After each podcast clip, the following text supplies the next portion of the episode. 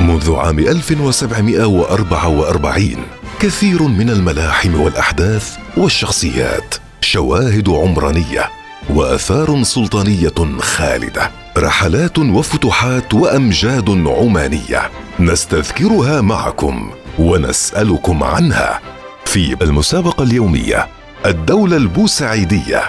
للمشاركة والحصول على فرصة للربح أرسل رسالة نصية قصيرة بكلمة الوصال على تسعين أربعة ستة ستة. السلام عليكم ورحمة الله وبركاته. أهلا بكم مستمعين الكرام. من هو السلطان الذي حكم عمان لمدة 52 عاما تقريبا واتخذ عاصمتين لحكمه لتنامي نفوذ عمان في عهده في قارتي آسيا وأفريقيا وباتت تعرف بالإمبراطورية العمانية؟ السلطان السيد سعيد بن سلطان بن أحمد بن سعيد البوسعيدي حفيد الإمام أحمد بن سعيد مؤسس الدولة البوسعيدية والده السيد سلطان الذي تولى حكم عمان في عام 1792 وتوفي في عام 1804 ووالدته السيدة غنية بنت سيف بن محمد بن سعيد بن محمد بن خلف البوسعيدية وهي عمة السيد حمود بن أحمد بن سيف البوسعيدي. ولد السيد سعيد بن سلطان في سمائل وله من الإخوة الذكور سالم وحمد وأخت تدعى عائشة. أما أعمامه فهم هلال وسعيد وقيس وسيف وطالب ومحمد وعماته موزة وعفرة وميرة.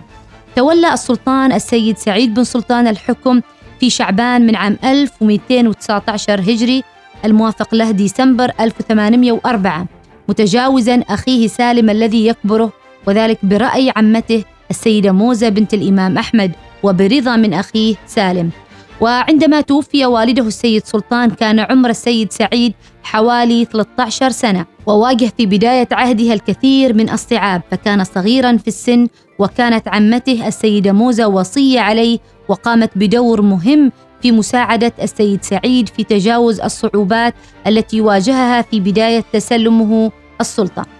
استطاع السلطان سعيد بن سلطان بناء إمبراطورية مترامية الأطراف هي الأوسع لعمان في التاريخ الحديث شملت أراضيها قارتي آسيا وأفريقيا فامتدت في أفريقيا من مقديشو شمالا وحتى رأس دلجادو جنوبا كما امتد النفوذ العماني في الشمال الغربي حتى مملكة أوغندا وغربا حتى أعالي الكونغو زائير حاليا. وكانت حوله الكثير من الشخصيات التي اعتمد عليها في بناء هذه الإمبراطورية من وزراء وقضاء وولاء وقادة عسكريون. ويكاد يجمع المؤرخون أن فترة السلطان السيد سعيد بن سلطان هي الفترة الذهبية في التاريخ العماني الحديث لاعتبارات مهمة منها اتساع النفوذ السياسي لعمان بشكل لم تشهده قط بين قارتي آسيا وأفريقيا بالإضافة إلى المركز المرموق الذي تمتع به السلطان سعيد بن سلطان في المجال الدولي وشعبيته الواسعة ومحبته بين أفراد شعبه. وتمكن السلطان سعيد بن سلطان من تثبيت الحكم العماني لأسرة البوسعيد في الساحل الشرقي لأفريقيا بعد ذلك قام باتخاذ زنجبار عاصمة ثانية له في العام 1832 هذا الأمر عزز من قيام دولة عربية إسلامية لها تاريخها وتراثها حيث طبعت الساحل الأفريقي بطابعها العربي الإسلامي المتميز. مع الأخذ في الاعتبار أن إقامة السلطان سعيد بن سلطان في زنجبار واتخاذها عاصمة ثانية لإمبراطوريته لم تشغله عن الوطن الأم عمان. فكان يتردد بين عمان وزنجبار وكان يعين نائبا عنه في زنجبار عند سفره إلى عمان.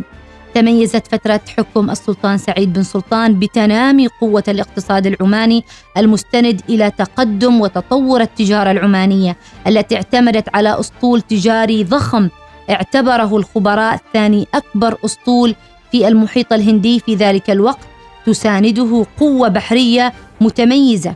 فكانت قوة السيد سعيد البحرية في عام 1840 تتألف من ثلاث فرقاطات أي سفن حربية سريعة وأربع طرادات بالمدفعية المغطاة وطرادين بمدفعية السطح وسبع ناقلات جنود بها من 6 إلى 12 مدفع.